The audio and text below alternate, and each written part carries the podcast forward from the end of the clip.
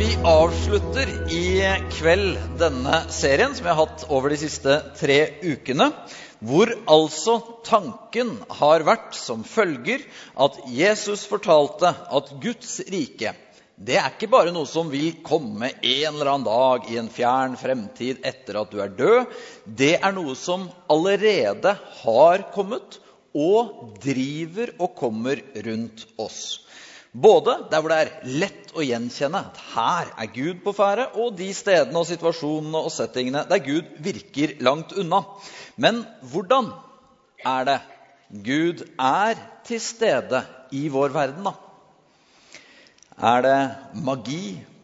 Sånne TV-serier som døtrene mine ser på?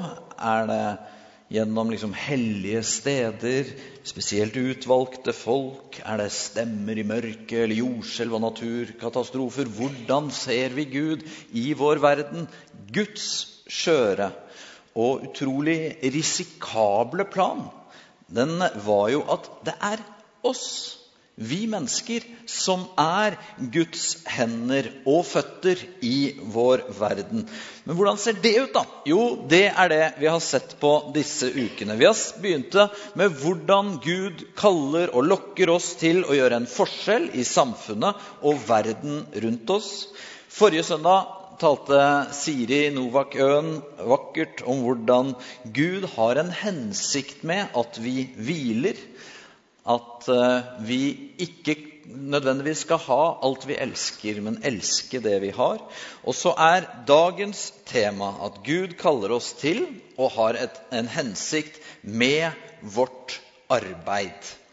Og Vi begynte den første søndag i serien med at eh, Egil Svartdal eh, henviste til boken 'Samfunnsbygger' av Hermund Haaland, som er til salgs nede i Barrat. Den boken den har et skikkelig dystert bakteppe. Fordi den sier at de fleste undersøkelser antyder at så mange som 70 av de som vokser opp i en kirke i den vestlige verden, forlater den kirken som voksen. Og selv om vi i Fladelfia-kirken har vokst mye de senere årene, og nå aldri i vår historie har, så, har noen gang vært så mange som vi er i dag, på våre fire steder, så er det sant her også. Jeg har vokst opp i denne kirken her. Veldig mange forlater den som voksen. Hva er grunnen til at det skjer? En av grunnene som Barna Institute i USA peker på, er en manglende kobling mellom det som skjer i kirken på søndager, og det som skjer mandag til fredag i livet ditt ellers. Og Hvis det ikke er en kobling her, hvis det som skjer i kirken på søndag, ikke har noe med mandag til fredag-livet ditt, så blir kirken ikke relevant. Og, den, og Hvis Kirken er fraværende i det som får så mye av vår livskraft og våre timer gjennom uken, så begår Kirken en stor feil. Og Derfor er det at vi som kirke prøver å gjøre denne koblingen her. Og jeg skal prøve å gjøre min jobb med å gi deg en teologi for arbeid de neste minuttene nå. Men før jeg begynner å undervise om det, så er det jo en kjent sak at pastorer jobber jo bare på søndager. Så jeg tenkte at vi må få tak i noen som faktisk jobber. Nei da. Vi skal høre fra praksisfeltet fra noen som ikke jobber i kirke. Og derfor ta godt imot opp til meg Daniel Sirai og Stefan Nordberg.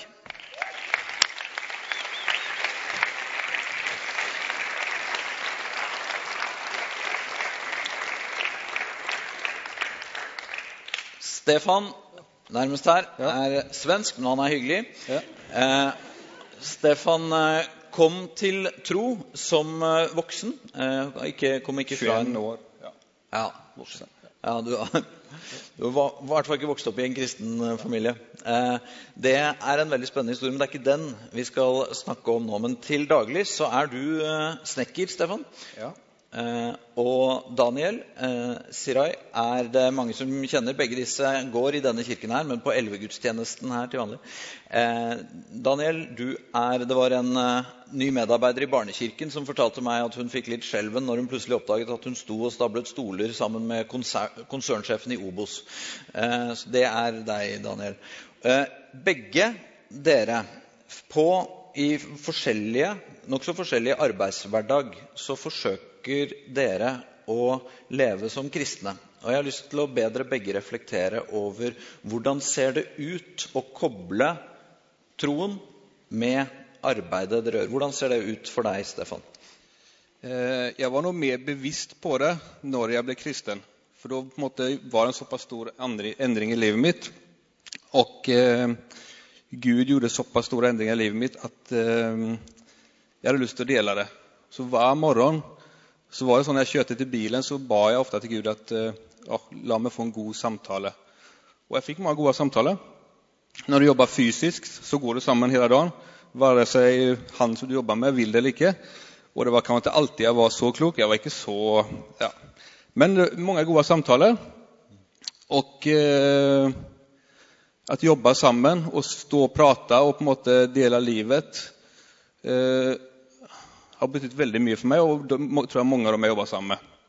Og nå på senere tid så ber jeg ikke den bønnen, men det ligger noe i at måtte du jobbe sammen, og så kanskje etter et par uker så kommer det inn et eller annet tema, så sier du ja, men, prater med et eller annet, sier jeg, men jeg er også kristen. Og du får litt sånn oi. Og så har de kanskje tenkt på det. Og så merker man at det legges litt til rette, og så får jeg ofte gode samtaler. Og i forhold til eh, hvem du velger å jobbe sammen med, ja, hvem du ansetter, ja. si litt om det. Ja, nei eh, Den siste tiden så har jeg på en måte ønsket å ta inn folk som kanskje ikke passer helt inn, eller som har hatt det vanskeligere på andre steder. Så Just nå så har jeg to uh, flyktninger som jobber hos meg. Og eh, Jeg tenkte på det når jeg startet opp. jag har haft jobbet fem år i Merita-stiftelsen og jobba masse med masse forskjellige folk. Og Da tenkte jeg i höstas når jeg skulle starte opp som snekker igjen, at hva er det for gaver jeg har, og hva kan jeg på en måte bruke dem i den jobben jeg skal gjøre? Og da, var, då tenkte jeg at gå tett med mennesker som kanskje kommer, forsvinner litt bort i de store selskapene. Og Da var det naturlig at først ansatte en, og så nå sist uka ansatte jeg en til eh, flykting. Och få gå sammen, at bli invitert hjem til dem og få en sånn boks som kona har lagd på fredag med kaker med masse sukker i. Eh, kona mi syns det er altfor mye sukker i deres kake. Men å, ha, å få det da, og se den gleden når du kommer etter et et år i praksis kommer og sier du, du skal få fast ansettelse hos meg, og, jeg, og, han kommer med papiret og han kan gå med til politiet, så han får eh, fast opphold.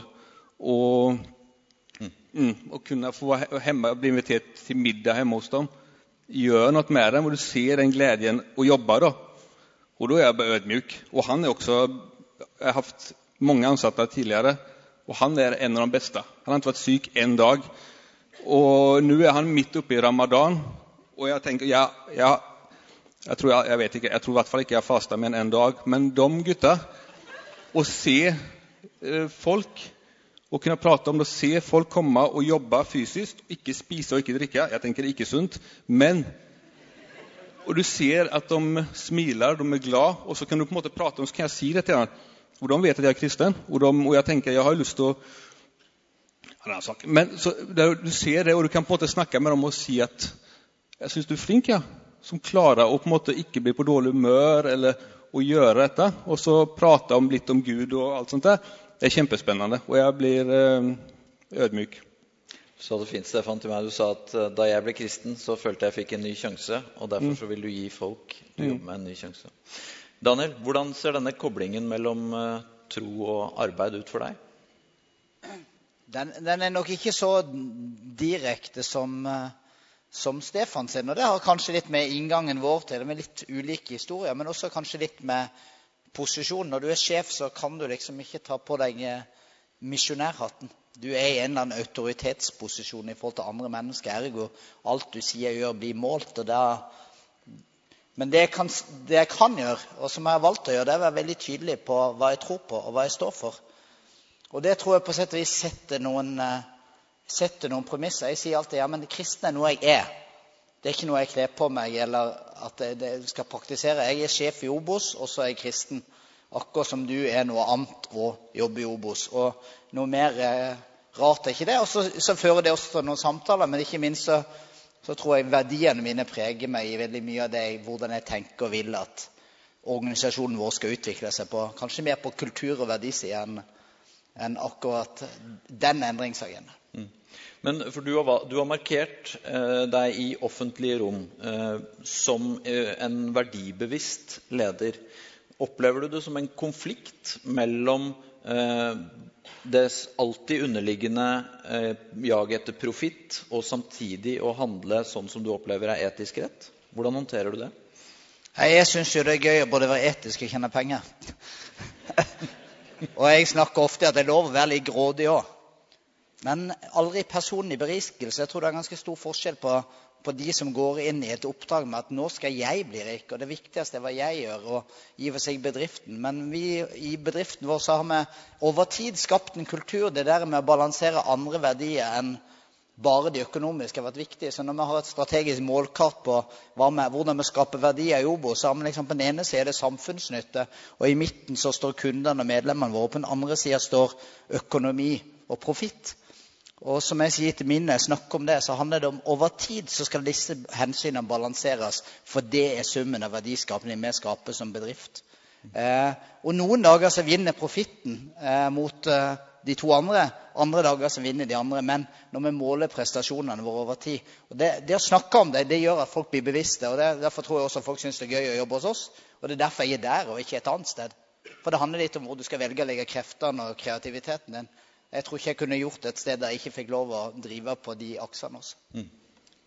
Ja, bare en, uh, gikk litt fort inn her. Det jeg tenker også er at, Å være kristen er jo noe man, der man er, og liksom ikke alle, at man ikke tenker så mye over det. For jeg har vært på en del byggeplasser der det har vært en del som har evangelisert annerledes enn det jeg gjør. Og du merker at de blir slitsomme folk.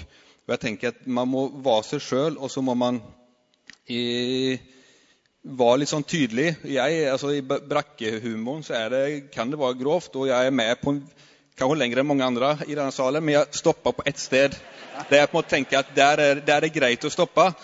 Og gjør man det, at man er ikke med og ler av den groveste, og man på en måte, ifall noen kommer på en mandag og sier at han gjorde det og det, og så ikke møter han med fordømmelse, men tenker at 25 år og kanskje burde tatt det der, gynner ikke det, så kan man på en måte ikke, så kan man på en måte få en god samtale. Man på en måte er raus med han.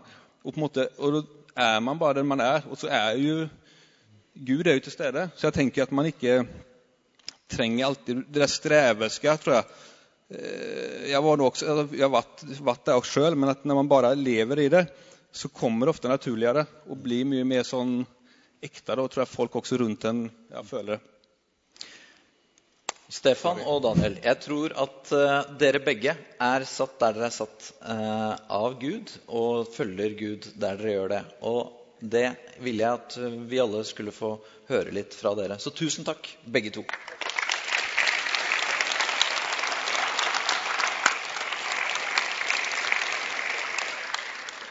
Jeg skal si tre ting om arbeid. Jeg skal si noe om meningen med arbeid. Jeg skal si noe om forbannelsen med arbeid. Og jeg skal si til slutt noe om hvordan Gud vil at du skal arbeide. Så først, la oss begynne med meningen med arbeid. Hvorfor skal vi arbeide i det hele tatt? Er det en vits med det? Her er det som på mange områder to grøfter som vi skal unngå i hvordan vi ser på arbeid. Den ene grøften den har vi fra de gamle grekerne, og det er å ha et for lavt syn på arbeid. De Grekerne sa at arbeid er en forbannelse. Høyere klasser de skal ikke måtte drive med fysisk arbeid eller praktisk. Det er for laverestående. De formulerte dette f.eks. For i form av myten om Pandoras krukke. Pandora var den første kvinnen på jorden, og hun var gitt en krukke hun ikke skulle åpne. Men som i alle sånne historier så var det selvfølgelig det hun gjorde. Og ut kom all verdens elendighet fra denne krukken. Det kom pest og sorg og fattigdom, kriminalitet og arbeid. Og det ble jo en begrunnelse for slaveriet, for jobb måtte jo gjøres. Da fikk de elendige slavene gjøre det. Men før du avskriver at liksom, ah, så duste disse gamle grekerne var da, kan du kjenne igjen at vi i vår kultur også har en del av denne holdningen. Tenk over en del mennesker sier at arbeid er bare et nødvendig onde. Det er noe kjipt vi må igjennom. En i slekta mi han eh, erklærte på et familieselskap at han var en lærer. Han var så lei av jobben at han skulle gå av med pensjon det sekundet han nådde pensjonsalderen, om han så var midt i en setning. Men, men om du ikke bare ser det som et onde, så kan du likevel kanskje kjenne igjen at vi har jo noen type arbeid som vi ser opp til, mens andre har lavere status. I vår kultur har kunnskapskrevende jobber høy status. En jeg kjenner han var sjåfør i Posten. Han sa om en annen at ah, han, han, har sånn jobb hvor han har kontor med parkett på gulvet. Da måtte jeg sjekke på mandag hva jeg hadde, men det var dessverre teppegulv. så du får sjekke.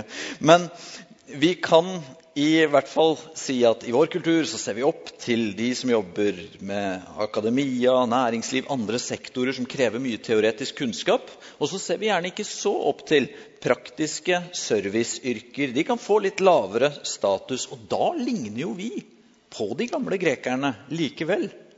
For virkeligheten er jo om du vasker møkka di selv eller betaler noen for å gjøre det, så er det bokstavelig talt livsnødvendig at det blir gjort. Så dette lave synet på arbeid som et onde, eller hvor vi deler opp mellom det vi har respekt for og ikke, det er dypt i strid med et kristent verdensbilde. Bibelen begynner med en vakker fortelling om at Gud i begynnelsen skapte livet. Og så står det da formet Herren Gud menneske av støv fra jorden. Se for deg i en tid hvor man foraktet og så ned på fysisk arbeid. En gud som bygger en hage, som arbeider med svette på ryggen, som graver i bakken og med fersk jord på hendene former og skaper oss. Og så står det, som vi hørte forrige søndag, at han hviler som en annen arbeider. Og da Gud kom til jorden inkarnert gjennom Jesus Kristus, kom han da som en stor lærer og filosof? Kom han som en mektig hærfører? Nei, han tok tømrerlinja og ble snekker. Altså, Jødene hadde jo respektert en hærfører, grekerne hadde respektert en filosof. Men Gud ble gartner, bonde, snekker. Hva sier det om hvordan vi bør se på praktiske yrker? Jeg har en polsk nabo som av og til blir litt oppgitt over hvor lite handy han syns jeg er. Så når han hjelper meg med noe praktisk, og jeg spør om bør vi ikke få, få inn en spesialist for dette her, så ler han av meg og sier Polish people can do everything, Andreas. Og hvis det er sant Jeg vet det er litt ulike erfaringer med det, men så ligner i så fall polakker flest mer på Gud enn jeg gjør. For Gud er en praktiker. Men det er vanskelig for oss folkens, å unngå det er derfor jeg bruker litt tid på det, å unngå dette lave synet på arbeid. Marx kom og løftet arbeideren opp med kommunismen. Men kommunismen så samtidig så ned på de høyere klasser at det kulminerte med det vanvittige regimet i Kambodsja hvor de utryddet alle med høyere utdannelse. På den andre siden så har man hatt kapitalismen, som har blitt et sånn klatrerace hvor alle skal opp, og man ser ned på vanlige arbeidere. Ok, Så denne første grøften er å ha et for lavt syn på arbeid. Ser det bare som et nødvendig onde, eller du anerkjenner bare noen typer jobb. Den andre grøften det er å ha et for høyt syn på arbeid. Det skjer når vi gjør arbeidet til selve hensikten med hvorfor vi fins. Vi snakker jo ikke lenge med et nytt menneske før vi spør hverandre ja, hva gjør du for noe. da? Det er helt naturlig.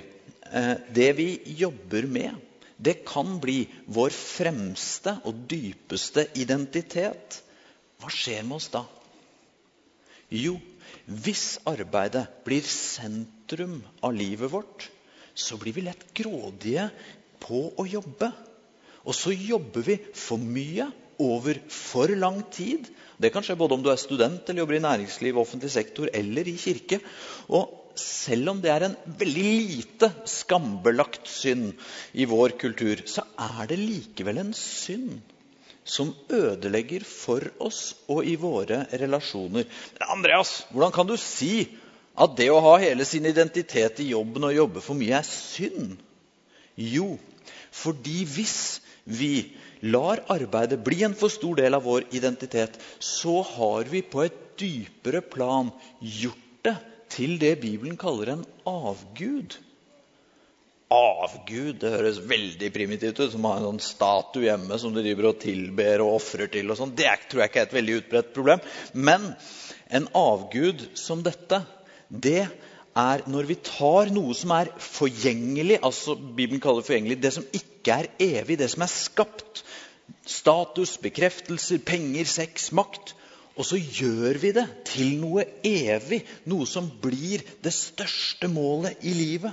Som om status og bekreftelser, kule oppdateringer i sosiale medier eller innflytelse noen gang kan virkelig redde oss. Vi vet jo egentlig at det ikke funker sånn. Uansett hvor suksessfull du er på jobben, så vil jobben aldri kunne gi deg det du dypest sett trenger.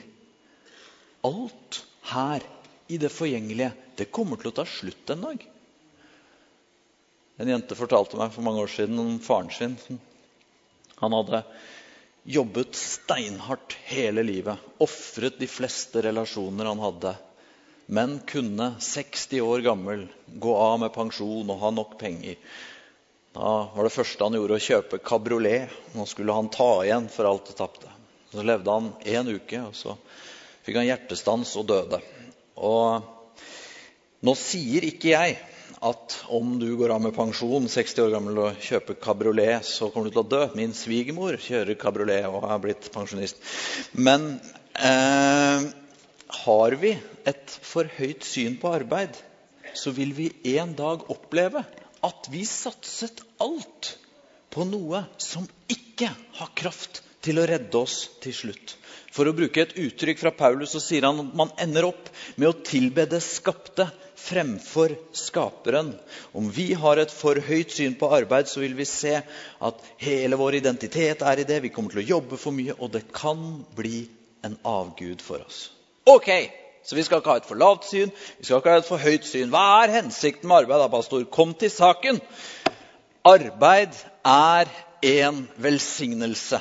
Vi mennesker vi bærer fortellinger som vi plasserer oss selv inn i. Vi har en fortelling om slekten vår, vi har en fortelling om tilværelsen vår. Og vi trenger alle disse fortellingene. For feil fortelling fortalt det kan gjøre at vi ødelegger for oss selv. Hvis du går rundt med en fortelling at livet er fullstendig meningsløst, det er ingen mening med noen ting, du må bare realisere deg selv så mye du kan før du blir borte for alltid, så vil den fortellingen prege livet ditt. Alle som vil være kristne, kan orientere livet sitt rundt de fire store begivenhetene som Bibelen tegner for oss. Og Det skulle jeg ønske at alle vi kunne huske. Den første begivenheten det er skapelse. Det er at Gud i begynnelsen formet verden som man ville ha det. Alt var bra. Så kommer fall, da mennesket valgte å bruke friheten til å velge det onde, og konsekvensene gikk utover alt det skapte. Så kommer forsoning. Forsoningen er da Jesus tok på seg konsekvensene av fallet og vant over døden. Og da begynte gjenopprettelse. Altså dette at Guds rike begynte å komme rundt oss. Og det kommer og det kommer, og en dag vil det komme helt når Guds rike kommer helt. Så skapelse, fall, forsoning og gjenopprettelse. Det er den store fortellingen. Og da blir det jo et viktig spørsmål. Hvor i dette kommer arbeidet inn? Er arbeid slitet som kom fra fallet? Før fallet så var alt paradis. Kunne alle ligge hele dagen og drikke paraplydrinker og se på HBO. Men det står om skapelsen før fallet.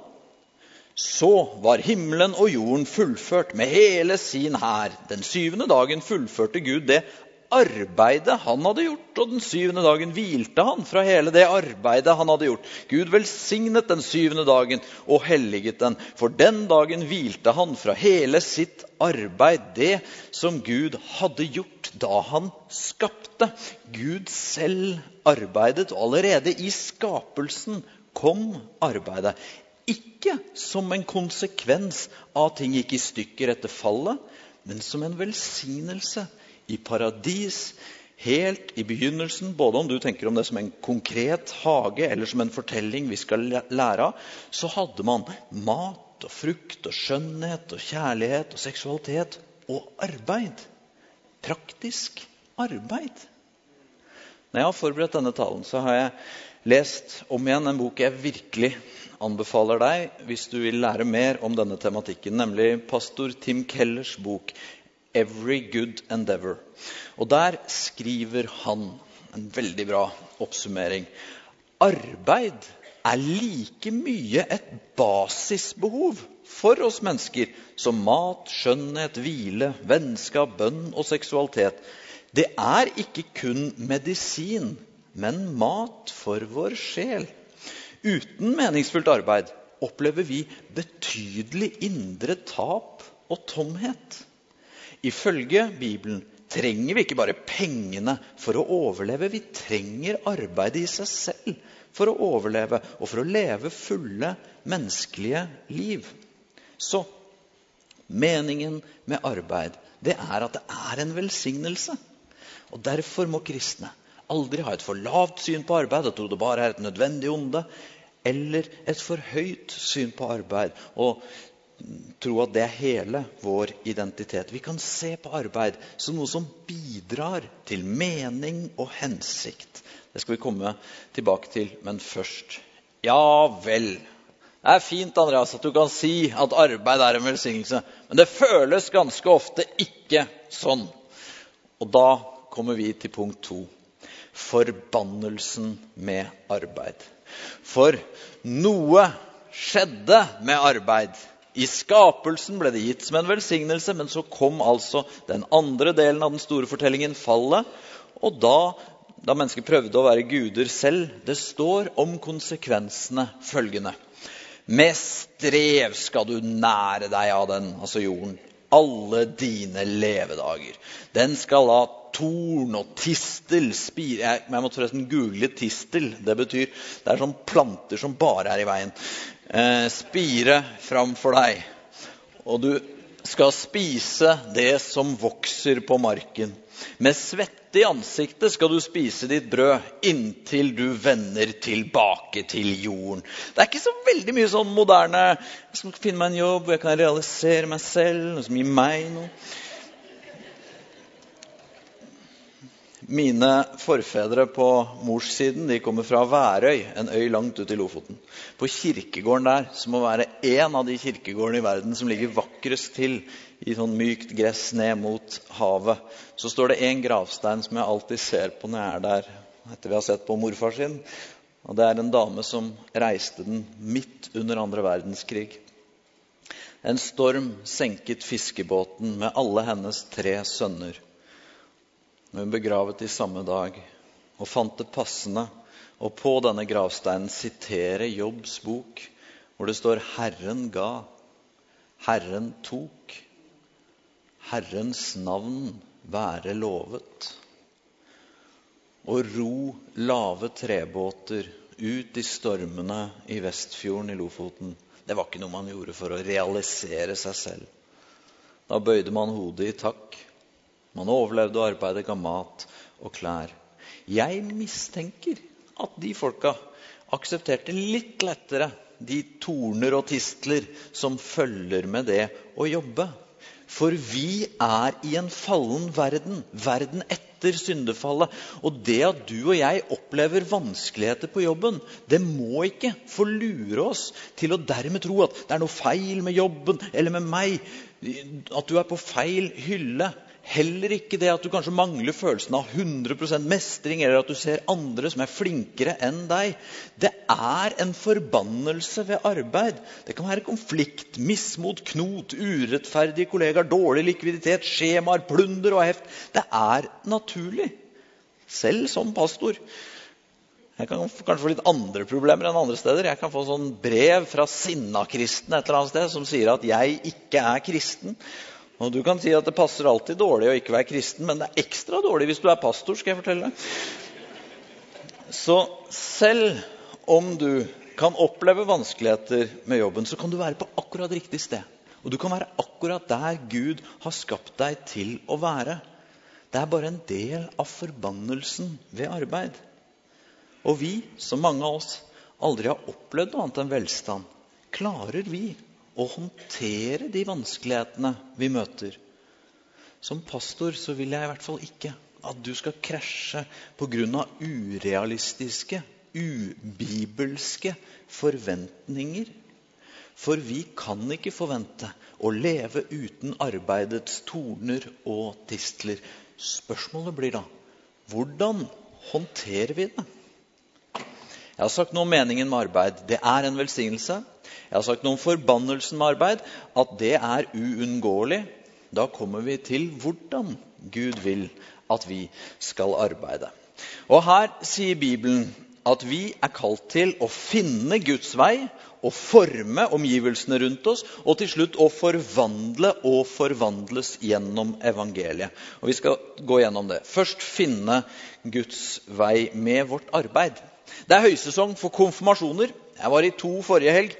Og alle landets forvirrede og usikre 14-åringer samles med alle voksenpersoner i sitt liv. Og alle disse voksenpersonene skal gi de sine formaninger og forventninger til livet deres forkledd som sånn vennlige og så må du følge hjertet ditt og være deg selv og sånn. Men det er, det er helt greit. Men det er ikke så lett å vite. Hva er det Gud vil med livet mitt? Paulus skrev for vi er Hans verk, skapt i Kristus Jesus, til gode gjerninger, som Gud på forhånd har lagt ferdige for at vi skulle vandre i dem. Er ikke det fint? Du er ikke talentløs, du er Guds verk. Potensialet ditt er ikke meningsløst. Det er å få gjøre gode gjerninger. Og de gode gjerningene er ikke umulig å finne, for de vil legges klare foran deg. Men hvor da? Hvordan kan jeg finne hva Gud vil med meg? Hva jeg skal jobbe med? Jeg kan ikke gi deg svaret på det, men jeg kan si at du må unngå to ting. Du må unngå å bli lurt av status og av åndelighet. Status ved at dette lave synet på arbeid gjør at vi kan streve etter å ta en jobb som vi egentlig ikke har lyst til, som vi egentlig ikke passer til, men fordi den gir høyere status enn den vi egentlig ville like. Husk at Gud var gartner og Jesus snekker. Ikke la deg lure av status. Og det andre er dette med åndelighet. Fordi vi ber 'Å Gud, vis meg din vilje med livet mitt. Hva skal jeg jobbe med?' Og da tenker vi liksom åh, det må, det må jo være noe kristent, i hvert fall hvis jeg virkelig helhjerta skal følge Gud. Så alle som ikke jobber med noe kristent, de er liksom litt på, på avstand fra Gud. Folkens, før reformasjonen på 1500-tallet så lærte Kirken faktisk dette. At det eneste som var Guds rike på jorden, det var Kirken. Og Dermed så var det kun arbeid i eller ut fra Kirken som var egentlig Guds arbeid. Men reformatorene, Luther og Calvin og disse, de utvidet perspektivet på dette. Luther sier f.eks. i et skrift til den tyske adelen alle kristne er i sannhet åndelige. Det er ingen forskjell mellom dem annet enn deres post, altså hvor de jobber. Denne her gudstjenesteserien har som premiss at Gud er på ferde overalt i verden, også der vi ikke skulle tro. Og Bibelen tegner et svært bilde av Gud for hele samfunnet. Til og med landbruket, liksom. Se Salme 65. står det du gjester jorden og lar den drikke dypt. Du gjør den overdådig rik. Guds bekk er full av vann. Du sørger for kornet. Ja, slik sørger du for jorden. Når pastorer som meg kommer til et nytt sted, så er noe av det første jeg lurer på, er hvordan er det med kirkene her? Det var en som skulle flytte til et annet land herfra, som ga bilen sin til filla. Og jeg husker jeg tenkte å, han ga bilen sin til Guds rike. Som i at Guds rike, det er det, er det samme som kirken, bare. Men Gud og Guds rike er mye større enn kirken. Om jeg skulle være smal, om jeg skulle være sånn som bare tenker på kirken, så er Gud opptatt av veldig mye mer enn kirken på et sted. Gud er jo i regnet og i kornet som vokser. Gud er i skole og næringsliv og eldreomsorg. Gud er i aviser og gründerbedrifter og advokatkontorer og butikker. Alle mennesker som jobber ærlig og trofast og skikkelig, de har Gud på sin side i det de gjør. Katrine Alstorff, leder for Senter for tro og arbeid i New York, sier og dette smerter som pastor. De fleste pastorer er mer opptatt av å hjelpe oss til å tjene i kirken enn å disippelgjøre og utruste oss til å tjene i verden. Sorry for det. Altså, kristen tro gir alt vårt arbeid verdi. Ikke bare det vi gjør i eller ut ifra kirken. Paulus skrev det sånn.: Derfor skal enhver leve sitt liv der Herren har satt han, der han var da Gud kalte han. Dette er et svært perspektiv på arbeid. For å finne Guds vei, Guds vilje for livet ditt, så kan du altså tenke om arbeidet ditt som et kall som ferdige, gode gjerninger som du er gitt gaver og muligheter til å gå inn i. Hør her, Den kristne tanken om å se arbeid som et kall, det, det er veldig mye større enn om du bare sier ah, det er bare selvrealisering, det er bare for at jeg skal få leve et bra liv, eller det er bare noe herk. Nei, Gud kaller oss til å gjøre arbeidet vårt helhjertet der vi er. Noen ganger så tror jeg at det er sånn at Gud eksplisitt kaller noen til å bli misjonærer. eller noe sånt. Men de fleste ganger så følger vi mennesker Gud trofast der vi er. Og så ser vi at jobben vi gjør, uansett hvor den er, den er et kall til å gå inn i gode gjerninger. Da finner vi Guds vei med arbeidet vårt. Ok, pastor. Så du mener at vi finner Guds vei gjennom å se stort på arbeidet vi får gjøre, at Gud virker i hele verden, og at arbeidet vårt er et kall. Men litt mer konkret, da. Hvordan arbeider vi der vi er satt? Jo, vi er kalt til å forme våre omgivelser. La oss gå tilbake til skapelsen igjen. Gud sa, 'La oss lage mennesker i vårt bilde, så de ligner oss.' De skal råde over fiskene i havet, fuglene under himmelen, fe og alle ville dyr, og alt krypet det kryr av på jorden. Rett etter sånn. Fyll jorden og legg den under dere. Vi skal altså ligne Gud, råde, legge under oss. Vi skal forme.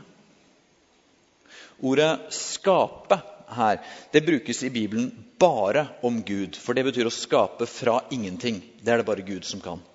Men Eh, forfatteren Tolkien han bruker ordet underskape, subcreate, om menneskets skaperevner. Og det at vi, vi har også en viss evne til å skape. Han sammenlignet med det som står om begynnelsen av historien. At Guds ånd svevde over vannene og skapte orden av kaos. Sånn mente Tolkien. Kan vi også gjennom vårt arbeid forme omgivelsene våre? For eksempel, du som er lærer, som firebarnsfar, jeg er så takknemlig for alle som gidder å være lærere.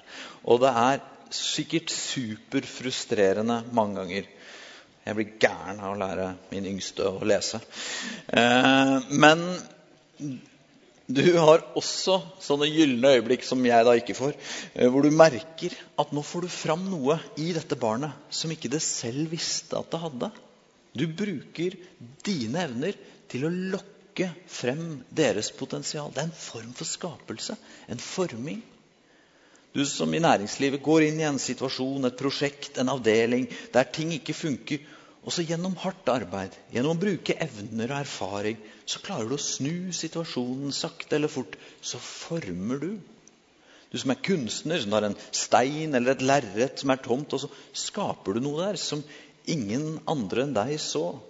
Du som er sykepleier, lege, psykolog, som får et kropp, et sinn som ikke funker, til å bli friskere og helere. Du former og skaper.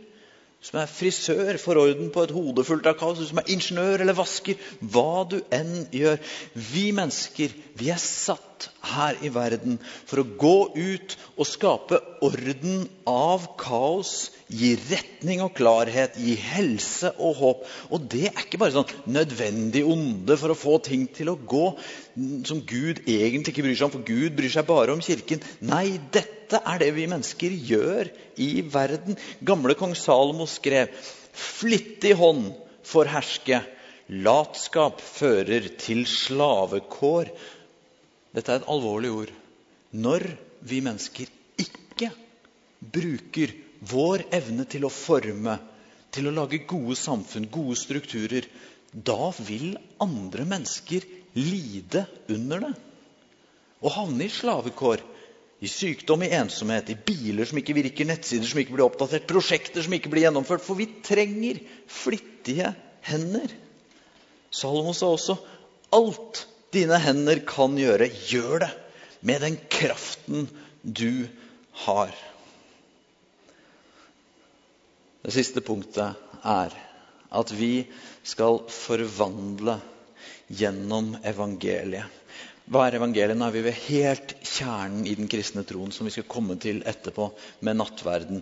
Dette at Jesus han levde det livet som du og jeg skulle ønske vi fikk til å leve, men ikke klarte. Jesus døde den døden som du og jeg hadde fortjent å dø, men som vi slipper fordi han gjorde det.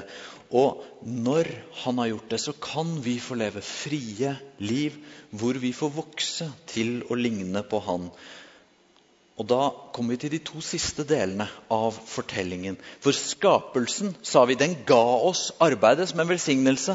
Men fallet gjorde at arbeid ble heftet med forbannelse. Men forsoningen, at Jesus døde for oss, og gjenopprettelsen, det er den prosessen vi får stå i nå med arbeidet vårt. For noen ganger så fristes du til å ta en ulovlig snarvei. Ingen kommer til å merke det. Ingen kommer noen gang til å få høre det. Noen ganger så fristes du til å ta æren for en annens jobb. Eller trykke ned kollegaen din. Eller være lat i jobben din. Eller å fordømme deg selv for de tingene jeg akkurat nå sa. Og ingen av oss klarer å ikke gå i noen av disse fellene. Vi er mennesker som trenger Guds nåde. Men nettopp fordi vi arbeider ut ifra forsoningen og i gjenopprettelsen, så kan vi møte andre og oss selv med myke øyne. Fordi vi vet at vi har tatt imot nåde selv.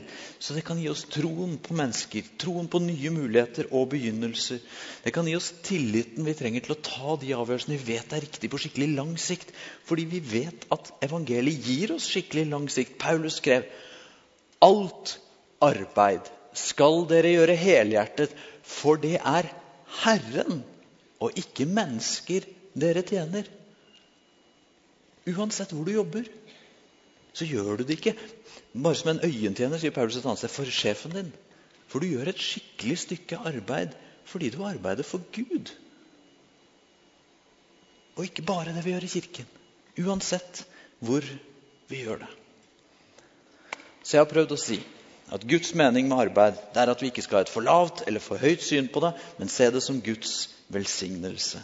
Forbannelsen ved arbeid er alt plunder og heft og drit som kan oppstå. Men hvordan vi skal arbeide, det er å finne Guds vei. Og oppleve at vi går inn i gode ting som Gud på forhånd legger foran oss.